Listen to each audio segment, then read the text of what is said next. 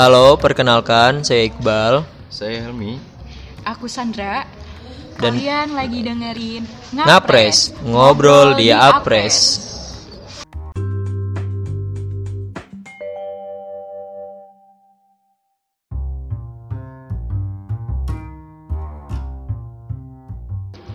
Episode Ngapres kali ini kita kedatangan tamu dari kakak-kakak Universitas Negeri Jakarta. Halo. Halo guys.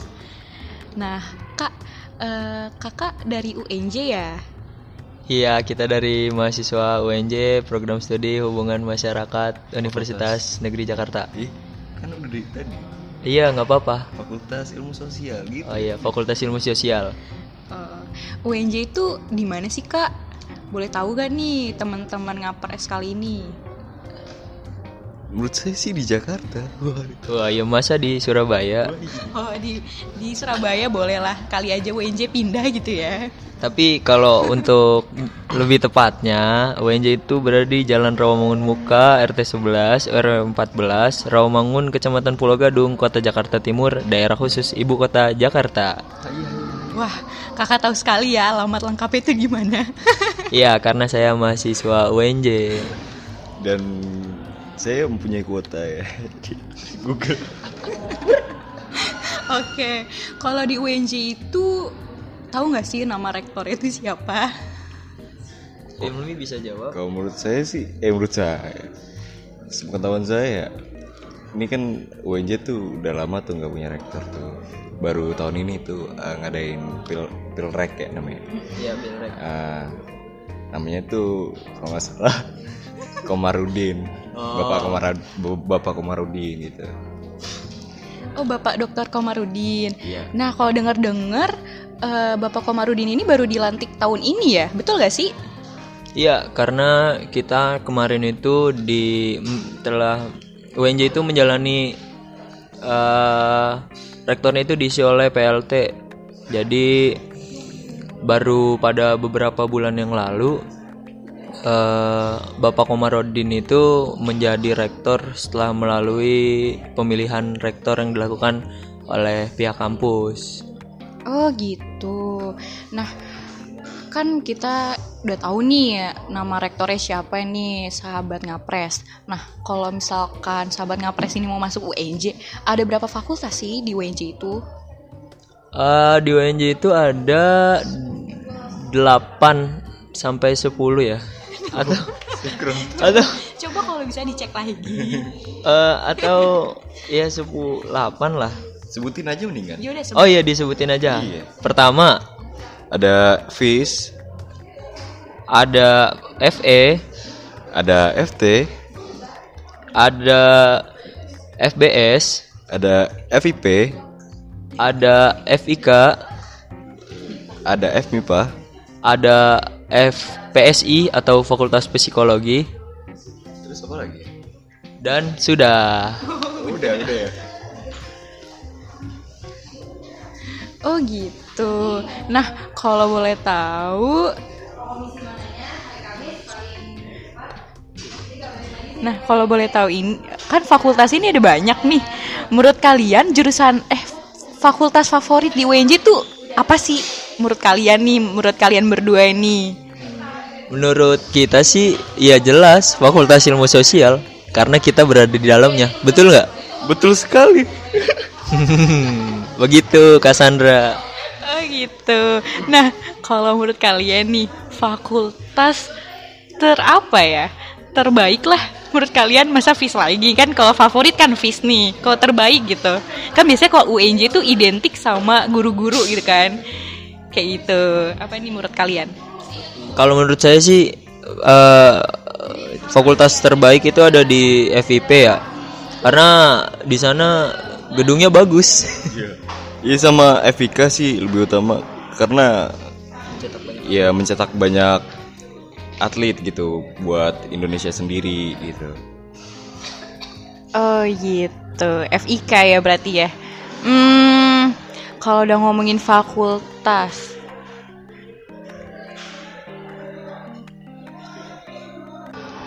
Nah, kan fakultas di UNJ banyak nih. Kalau misalkan sahabat ngapres ini pengen masuk UNJ, jalur masuk itu ada apa aja sih kak? Gitu kak. Untuk jalur masuk, apakah saya mau jawab atau Boleh. Kak Helmi? Silakan, silakan. Silakan Kak Iqbal kalau mau jawab mah. Oke, saya yang jawab. Jadi eh, untuk jalur masuk sendiri, eh, Universitas Negeri Jakarta itu ada tiga jalur, Cassandra. Jadi yang pertama itu ada SNMPTN atau jalur undangan. Lalu yang kedua itu SBMPTN yang diadakan oleh Kemenristek ya. Lalu yang ketiga itu ada jalur mandiri namanya Penmaba yang dilakukan oleh eh, Universitas Negeri Jakarta itu sendiri. Begitu Cassandra. Oh gitu. Nah kalau dari Kak Helmi sama Kak Iqbal nih, kalian masuknya tuh jalur apa nih? Kan siapa tahu nih teman-teman ngapres kalian tuh pengen tahu cara-cara masuknya tuh kayak gimana, terus eh, tips and triknya tuh gimana masuk UNJ kayak gitu. Kalau saya sendiri, kami lah lebih tepatnya. ya. Kami kami berdua tuh masuknya tuh lewat jalur maba. Soalnya eh, kami tuh kan diploma 3 gitu ya. Jadi kalau diploma 3 di untuk di FIS sendiri eh jalur masuknya tuh hanya untuk penmaba gitu. Kalau untuk SBM, SNM tuh nggak ada pilihannya gitu. Jadi jawabannya dari penmaba. Terus tips and triknya kalau dari saya sendiri ya, dari Helmi sendiri eh, banyak-banyak belajar sama yakin sama jawabannya aja sih. nggak usah takut salah. Pokoknya banyakin doa sama berbakti kepada orang tua lah. Gimana menurut Kak Iqbal? Kalau saya sih waktu itu ada ada cerita sedikit unik sih kalau masalah masuk ke UNJ itu sendiri. Jadi saya itu masuk mungkin karena apa ya? Karena pilihan temen gitu. Karena waktu itu pas waktu itu ikut saya ikut Penmaba atau jalur mandiri itu saya di jurusan pertama itu milih jurusan yang saya pengenin. Tapi di jurusan kedua saya niatnya untuk ngosongin jurusan tersebut. Tapi tiba-tiba teman saya bilang, "Udah bal, isi aja sini." D3 Humas. Nah, setelah diisi ini tuh, maka ternyata itu jadi keajaiban gitu. Pas pengumuman ternyata itu kayak, "Hah? Oh, ini ternyata pilihan temen temen gue yang waktu itu nih." Kayak gitu. Saya mikirnya langsung kayak, "Oh, ternyata Tuhan memberikan jalan lewat orang lain gitu buat saya masuk ke UNJ ini kayak gitu Cassandra ceritanya. Buat tips and triknya ya buat temen-temen itu lebih lebih banyak pengetahuan dasar sih kalau kalau kata saya sih kayak wawasannya terus ilmu-ilmu yang kayak MTK bahasa Indonesia bahasa Inggris itu ditekan tekenin lagi gitu biar nanti pas kalau misalkan karena kan kalau jalur mandiri itu tesnya itu banyak tes yang yang tes-tes yang mat- eh, pelajaran-pelajaran umum kayak begitu Mana teman-teman ngapres kayak gitu ceritanya. Unik ya sebenarnya itu cerita dari Kak Iqbal. Ada nih temennya katanya gitu.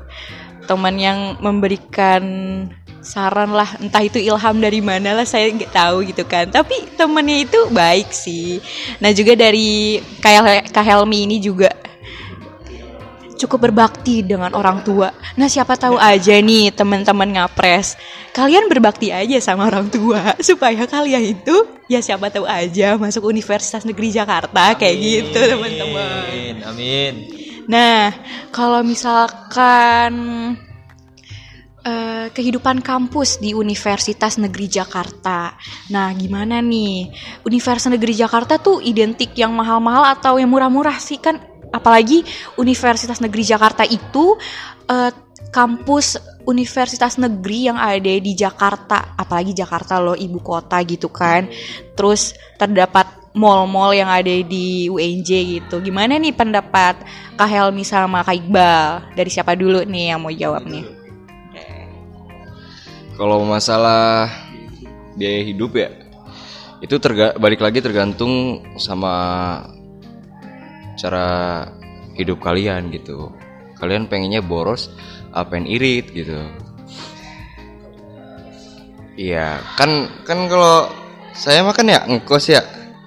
Jadi saya itu lebih kayak milih milah gitu kalau pengen ke mana pengen ke mana gitu. Yang kira-kira yang useless gitu yang nggak terlalu penting-penting banget dengan jangan gitu. Apalagi ngeluarin duit sampai lebih dari kalau saya sih minimal ngeluarin eh maksimal ya. Maksimal ngeluarin gocap lah per hari gitu. Buat makan buat buat yang lain-lainnya juga gitu. Kalau di kampus sendiri sih menurut saya jaja- jajanannya ya kantinnya karena ini kampus ya menurut saya sih worth it aja. Cuman nggak nggak jarang juga ada yang mahal. Tergantung balik lagi lah ke awal ya kan? Tergantung kita maunya yang gimana gitu loh. Gitu aja sih Iqbal nih kak Iqbal Kalau menurut saya ya eh, biaya hidup di NJ itu nggak terlalu mahal sih, tapi ya nggak terlalu murah juga. Berada di tengah-tengah gitu, kayak eh, misalkan eh, antara range dari 10.000 sampai 50.000 itu 30.000 buat sehari juga sebenarnya udah cukup. Tergantung ya yang kayak diomongin Helmi tadi loh, eh, individunya itu orangnya boros atau enggak. Kalau misalkan masalah kayak contohnya makanan aja. Di kantin itu kita ada yang makanan yang dari mulai 10.000 lalu ada 15.000 20.000 25.000 itu juga ada.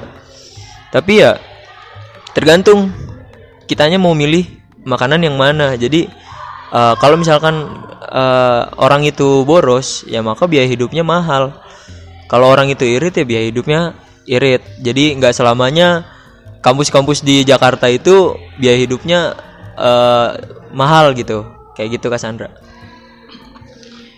Oh kayak gitu Kak Iqbal sama Kak Helmi. Nah jadi teman-teman ngapres tergantung dari kitanya sendiri sih mau menempatkan diri kita tuh gimana kadang kita tuh ada waktunya hedon. Nah kadang ada waktu itu kayak irit gitu kayak kayak gimana ya? Nggak punya duit banget. Harus sih kalau anak kosan mah kayak gitu ya? Oke nah kebetulan juga Kak Helmi ini tuh ngekos di WNJ jadi tuh ya lebih irit-irit uang lah kayak gitu. Betul. Oh betul. Nah kalau Kak Iqbal sendiri, eh menurut Kak Iqbal di UNJ ini banyak gak sih organisasi-organisasi yang emang eh, bisa menambah skill mahasiswa gitu? Kan pasti banyak kan eh, organisasi-organisasi yang ada di kampus gitu. Gimana menurut Kak Helmi sama Kak Iqbal? Eh, dari saya dulu kali ya kalau misalkan organisasi itu sebenarnya banyak banget mau di kampus mana pun sih sebenarnya mau kalian masuk kampus A atau kampus B itu sebenarnya kampus-kampus juga banyak organisasi tapi buat di UNJ sendiri itu ngomongin organisasi itu banyak banget. Mulai dari yang ada namanya Opmawa itu organisasi pemerintahan dan Ormawa organisasi. Dan Ormawa itu organisasi mahasiswa jadi kayak jatuhnya kalau di sekolah kayak eskul lah kayak gitu. Nah di Ormawa sendiri kan kayak kita tahu lah di kampus-kampus umum ada BEM, DPM, BPM, MTM nah lalu di Ormawanya itu banyak nih ada buat yang segi olahraga musik lalu adventure eh, kesehatan eh, entertain, tari gitu-gitulah itu banyak kak. Jadi ya tergantung. Kalau misalkan kita ngomongin organisasi banyak kok di kampus gitu. Oke, mungkin dari Kak Helmi mau nambahin Kak Iqbal gak nih? Gak usah. Ya udah cukup itu udah. Oke. Nah, kalau teman-teman ngapres jadi tuh kalau di WNJ itu ternyata banyak loh eh, organisasi-organisasi yang emang menambah skill. Terus katanya juga ada organisasi pemerintahan kayak BEM, DPM, MTM kayak gitu. Terus hmm, kita juga pengen tahu nih Kak Iqbal, Kak Helmi, kalau misalkan sebetah apa sih kalian di kampus tuh? Kan biasanya kayak orang gitu ya. Rata-rata sih. Ada yang namanya kupu-kupu lah kayak eh, kuliah pulang, kuliah pulang. Atau kayak mahasiswa yang nongkrong-nongkrong lah malam baru pulang gitu. Atau ada lagi kura-kura eh, kuliah rapat kuliah rapat kayak gitu. Nah, kalian tuh masuk yang mana? Kayak gitu. Mungkin bisa dijelaskan kayak kayak Helmi tahu nih banyak nih.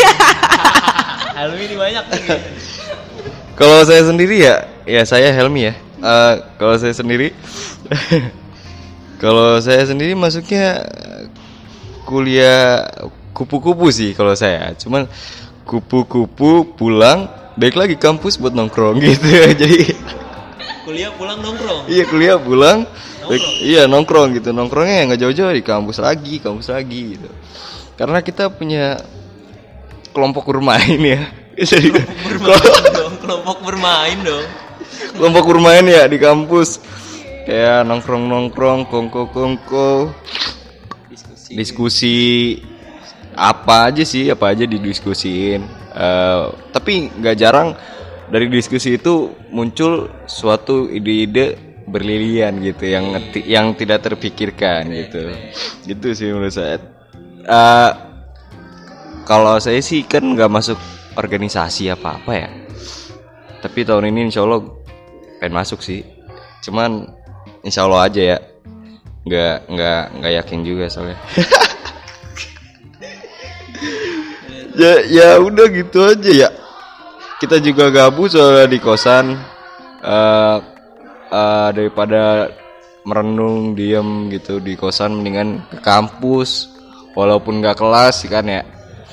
Kan ada temen tuh ya jadi kita nongkrong nongkrong aja. Apa jadi kalau saya tuh biasanya kalau di kampus ke mana aja tuh kalau di UNJ tuh kan ada kayak gazeboja gitu tuh. Nam- namanya apres nih sobat ngapres aduh. Da- dan banyak banyak banyak spot nongkrong juga sih di UNJ di kampus A terutama terutama di kampus A nya gitu.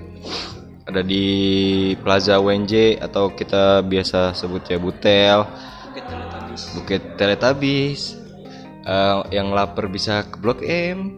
Habis habis itu kalau mau tidur tapi sepiknya baca bisa ke UPT gitu. Gitu. Gimana buat kayak Iqbal nih. Kalau saya tipe orang yang kuliah iya. Rapat iya.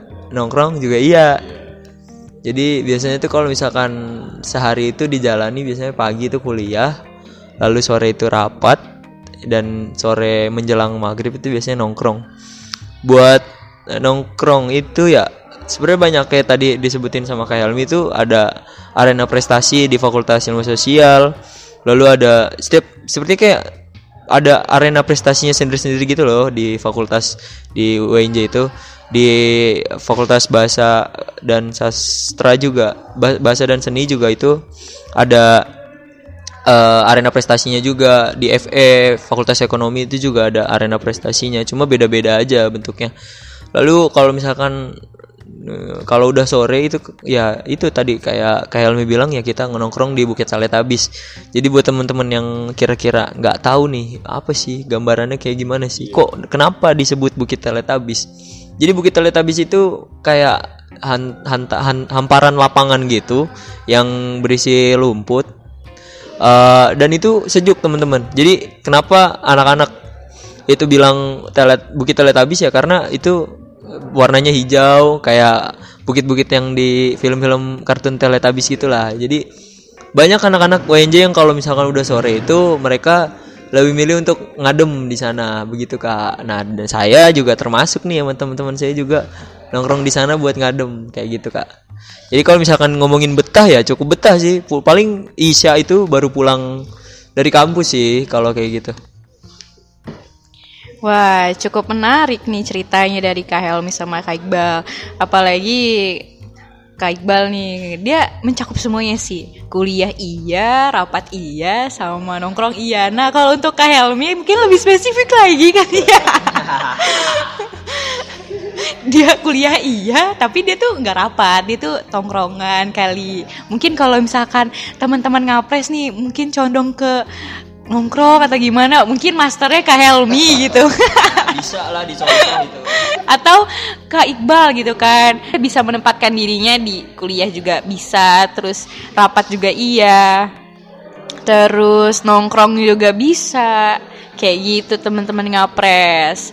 Nah kalau boleh tahu gitu menurut kalian hmm, mungkin kalau di kampus itu kan luas gitu ya Eh, menurut kalian tuh untuk mencari teman gitu kan kalau mencari teman itu kalian tuh mau yang kayak gimana sih? Mungkin kalau misalnya di kuliah tuh berbeda atau di tongkrongan berbeda atau di rapat juga berbeda. Nah, gimana menempatkan kalian tuh di situ gitu? Mungkin jawab dulu dari siapa nih? Oh, dari Kak Helmi katanya gitu. Kayak deh. Kalau masalah eh, nyari-nyari temen ya menurut saya Helmi nih Helmi saya? Menurut saya?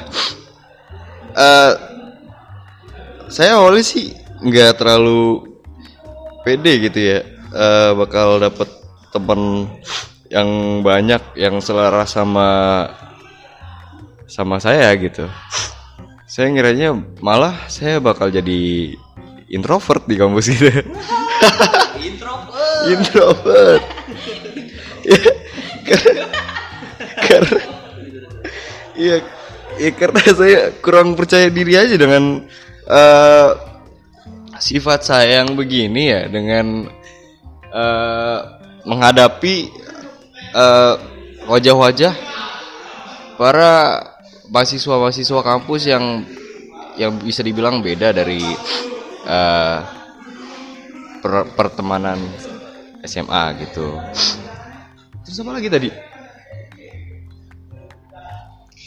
Gimana menempatkan eh, kalian-kalian ini di beda-beda temannya kayak misalkan di kuliah tuh temannya ini di kelas tuh terus kalau di tongkrongan beda lagi itu kayak gimana kayak gitu. Kalau saya sih nggak terlalu membeda-bedakan ya dan tidak mau juga menempatkan gitu. ya. Kalau saya fleksibel aja sih. Kalau emang kalau saya sih orangnya kalau nggak diajak ngobrol saya bakal diem aja gitu. Saya sebenarnya tuh introvert gitu. introvert. Introvert dari bayi G. saya udah introvert. Kata mas saya tuh ya, saya kalau pengen makan, kalau pengen apa-apa gitu. pengen apa-apa gitu ya nggak pernah nangis. Yang lain mah nangis kakak saya juga adik saya. Saya mah diem weh. Diem mbak ya diem mbak ya ya gitu sih eh, fleksibel aja gitu. Sama aja sih tongkrongan mau di kelas sih kalau ya cuman ininya aja ya konteks pembicaraan dan eh, cara bercandanya aja yang diminimalisir. Kalau di kelas kan misalkan ada dosen atau gimana kan sebelah juga ada kelas juga takut kebisingan gitu loh. Begitu. Terus kalau saya nih, kalau misalkan saya itu di pertemanan ya, saya mau yang penting nggak temenan sama orang gila lah gitu. Iya serius. Soalnya gimana kalau misalkan kita temenan sama orang gila tuh diajak ngomong nggak nyambung. Nah ini yang penting teman-teman. Kalau misalkan kalian mau temenan, mau di kampus, mau di rumah, mau di mana pun kalian berada, yang penting menurut saya itu adalah obrolan yang nyambung kayak gitu. Kalau misalkan kalian ibaratnya omongan yang satu frek- frekuensi gitu. Kalau misalkan obrolan yang udah nggak satu frekuensi itu bisa kalian eh, me- men- memilih mereka untuk jadi teman kalian. Cuma kayak mungkin agak susah aja karena obrolannya udah nggak nyambung gitu. Nah itu yang saya terapin nih di kampus. Kalau misalkan ada temen yang ngobrolannya nyambung, ya ya udah kita temenan gitu. Tapi kalau misalkan nggak nyambung ya bukan berarti nggak temenan juga ya. Ya mungkin intensitas komunikasinya yang berkurang gitu. Intensitas komunikasinya yang jarang. Nah itu untuk di kel- kelas mungkin. Tapi kalau udah di tongkrongan karena uh, komunikasi yang diciptakan secara bersama-sama dan berkelanjutan dan terus menerus itu jadi kayak setiap ngobrolin apa pun ya nyambung aja kalau udah nongkrong gitu. Nah kalau di organisasi nih, kalau di organisasi itu uh, agak beda nih karena di kelas itu ada yang jarang dan ada yang inten. Nah di di tempat nongkrong itu ada yang intensif. Nah ini di organisasi. Nah itu gimana caranya kita nih buat menyatukan eh, teman-teman yang jarang komunikasi sama kita teman-teman yang eh yang sering komunikasi sama kita itu di jadi satukan kayak gitu. Yang penting kalau misalkan temenan jangan temenan sama itulah orang-orang yang punya kelainan mental gitu. Wah bener ya. Kalau misalkan diajak ngomong nggak nyambung kalau misalkan. Diajak ngomong "Eh, ayo sholat ayo sholat. Tapi di dalam diriku ada naga. Ya kan nggak gitu? Sedih. Ah ya kan aneh jadinya itu kan temen gila kalau kayak gitu. Iya. Gitu aja sih kak. Oke deh, menarik ya sebenarnya ini. Cerita dari Kak Helmi sama Kak Iqbal. Mereka tuh bisa menempatkan dirinya di masing-masing gitu, entah di tongkrongan atau di organisasi dan di kuliahan. Kayak gitu teman-teman ngapres. Nah, oke deh, kita tadi udah eh, bicarain ke tentang UNJ itu seperti apa sampai ke temennya. Nah, ini agak sedikit serius gitu untuk ngomongin tentang dosen. Oke, kayak gitu. Nah, untuk eh, di UNJ itu kayak dosen tuh kayak gimana sih? Apalagi gitu kan. UNJ itu kayak identik eh, sama eh, wisudawan yang kalau lulus bakal jadi guru. Nah, gi- gimana dosennya kan tahu sendiri nih guru waktu kita sekolah kayak gimana gitu kan. Nah, mungkin bisa dijelasin nih sama kakak-kakak dari UNJ ini, Kak Helmi sama Kak Iqbal kayak kalau misalkan ngomongin dosen mah ya eh, sebenarnya beda-beda sih sifat-sifat dosen itu kan ada yang eh, galak eh, ada yang tegas ada yang baik dan ada yang baik banget itu kategorinya tuh cukup banyak gitu ya jadi kalau misalkan kita ngomongin eh, sifat dosen ya tergantung kita menyikapi sifat dosen tersebut. Kalau misalkan kita udah keburu itu namanya keburu apa ya? Maksudnya mm, menyepelekan dosen tersebut, ya mau dosen yang baik sekalipun itu bakal jadi galak. Tapi kalau misalkan kita memberikan eh, ibaratnya kalau misalkan kita memberikan attention yang lebih gitu kepada dosen yang menurut teman-teman kita galak, mungkin dosen yang galak tersebut bisa jadi baik. Jadi tergantung dari kitanya kepada dosennya kayak gitu. Kalau kayak Helmi nih gimana nih? Kayak Helmi mungkin punya cerita berbeda nih. Kalau menurut saya, eh, ini saya Helmi. Kalau menurut saya, kalau menurut saya, kalau ngomongin ngomongin dosen ya, kalau menurut saya dosen ya sa- sama aja sih dasarnya mah, sama kayak kakak Iqbal. Eh, macam-macam namanya juga dosen ya, namanya juga orang, dosen juga orang kan, punya kepribadiannya masing-masing. Walaupun dia emang punya sifat profesionalnya untuk ngajar eh, mahasiswanya gitu loh Eh, dia juga punya hati nurani da- dalam lubuk hatinya gitu. Karena itu adalah ha- eh, sifat naluri mas- manusia gitu. Eh, terus sama lagi kayak Kak Iqbal nih. Eh dosen tuh ya kita yang bikin sifat dosennya tuh mau kayak gimana? Gitu kan Betul betul. ya kalau kita ny- nyepelein ya dosennya juga muak lah. Ya pasti. bakal nyepelin kita balik karena beda aja gitu SMA sama kuliahan kan. Kalau kalau di SMA kan kita eh guru yang ngejar-ngejar muridnya kalau kalau di kuliah. tuh mahasiswanya yang ngejar-ngejar dosennya gitu I see kalau dari KLM Oh menarik sih. Ternyata dosen tuh dosen tuh ada hati. Nah ternyata kayak gitu teman-teman ngapres. Cara dosen tuh nggak semua itu kayak galak-galak gitu. Tapi dosen tuh eh, juga punya hati nurani yang baik gitu. Nah cara ngetri dosen juga tergantung kitanya tuh kayak gimana kayak gitu. Kalau misalkan kita baik, dosen juga pun juga akan baik sama kita kayak gitu. Nah, teman-teman ngapres kali ini udah mau di jam terakhir kita nih. Mungkin ada pesan gak nih sama teman-teman ngapres yang akan masuk UNJ gitu dari Kak Iqbal atau Kak Helmi gitu sedikit lah kayak gitu mungkin dari siapa dulu nih yang mau ngasih pesan oke deh dari Kak Iqbal dulu teman-teman eh buat pesannya sih buat teman-teman pendengar sekalian eh tetap semangat menjalani hidup kalian dan kejarlah cita-cita eh, kalian itu. Kalau misalkan sampai ke mana pun eh, cita-cita itu dituju. Terus juga eh, jika kalian ingin ngampus kalau bisa eh, pilihlah yang berada dekat-dekat dulu di ibu kota. Apalagi UNJ itu dekat di ibu kota. itu aja sih pesannya buat teman-teman tetap semangat kayak gitu. Ah, lanjut nih ke Kak Helmi.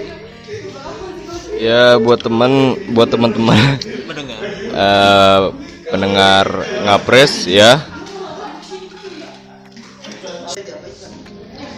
Ya menurut saya sih ya eh, ya semangat aja lah ngejar cita-citanya, ngejar eh, apa yang kalian ingin gapai gitu ya. Eh, kalau pesan dari saya sih eh tetap semangat ya. Pokoknya jangan jangan terlalu ambis. Kalau ambis harus realistis. Realistis. Iya iya iya. ambis realistis cenah jadi ma- eh, definisi dari ambis realistis tuh kalian boleh ambis cuman kalian juga harus sadar atas volume otak kalian gitu. Dengan dengan komponen-komponen yang ada dalam eh, otak kalian gitu. Kemampuan kalian maksudnya gitu. Oh, it- itu itu itu sama kayak perumpamaannya ada tuh salah satu orang yang bilang kalau misalkan eh, kejarlah mimpi kalian setinggi langit asal langitnya kelihatan. Iya, Itu kayak gitu. Kok jadi kalau misalkan langitnya nggak kelihatan ya udah jangan dikejar kayak gitu. Mungkin itu kayak kesimpulan dari pesan Helmi itu kayak gitu teman-teman. Tapi ya kesimpulan yang eh pesan yang paling penting tetaplah kuliah di UNJ. Oke teman-teman ngapres Nah kayak gitu Jadi eh, dari Kak Helmi sama Kak Iqbal ini Mereka dari mahasiswa Universitas Negeri Jakarta. Nah teman-teman ngapres kalau misalkan emang ingin masuk ke Universitas Negeri Jakarta eh, Sudah diceritakan secara umum lah dari Kak Helmi sama Kak Iqbal Ternyata masuk UNJ itu seperti itu Ada jalur khususnya seperti ada SNMPTN, SBM, dan jalur mandirinya itu ada Penmaba ya Kak Iqbal ya? Iya, iya Penmaba. Oke seperti itu. Eh, Dan teman-teman ngapres kalau misalkan emang mau masuk universitas negeri Di tengah-tengah ibu kota Masuklah Universitas Negeri Jakarta. Oke betul betul. Nah, apalagi gitu kan kata Kak Helmi sama kata Kak Iqbal di sini tuh eh, walaupun kampus di tengah-tengah ibu kota, tapi jajannya itu murah. Jadi kayak gitu. Contohnya Kak Helmi, tadi katanya tuh dia irit katanya eh, dia tuh ngekos gitu kan, 50.000 ribu tuh seharian loh. Cukup murah kan kayak gitu. Nah, mungkin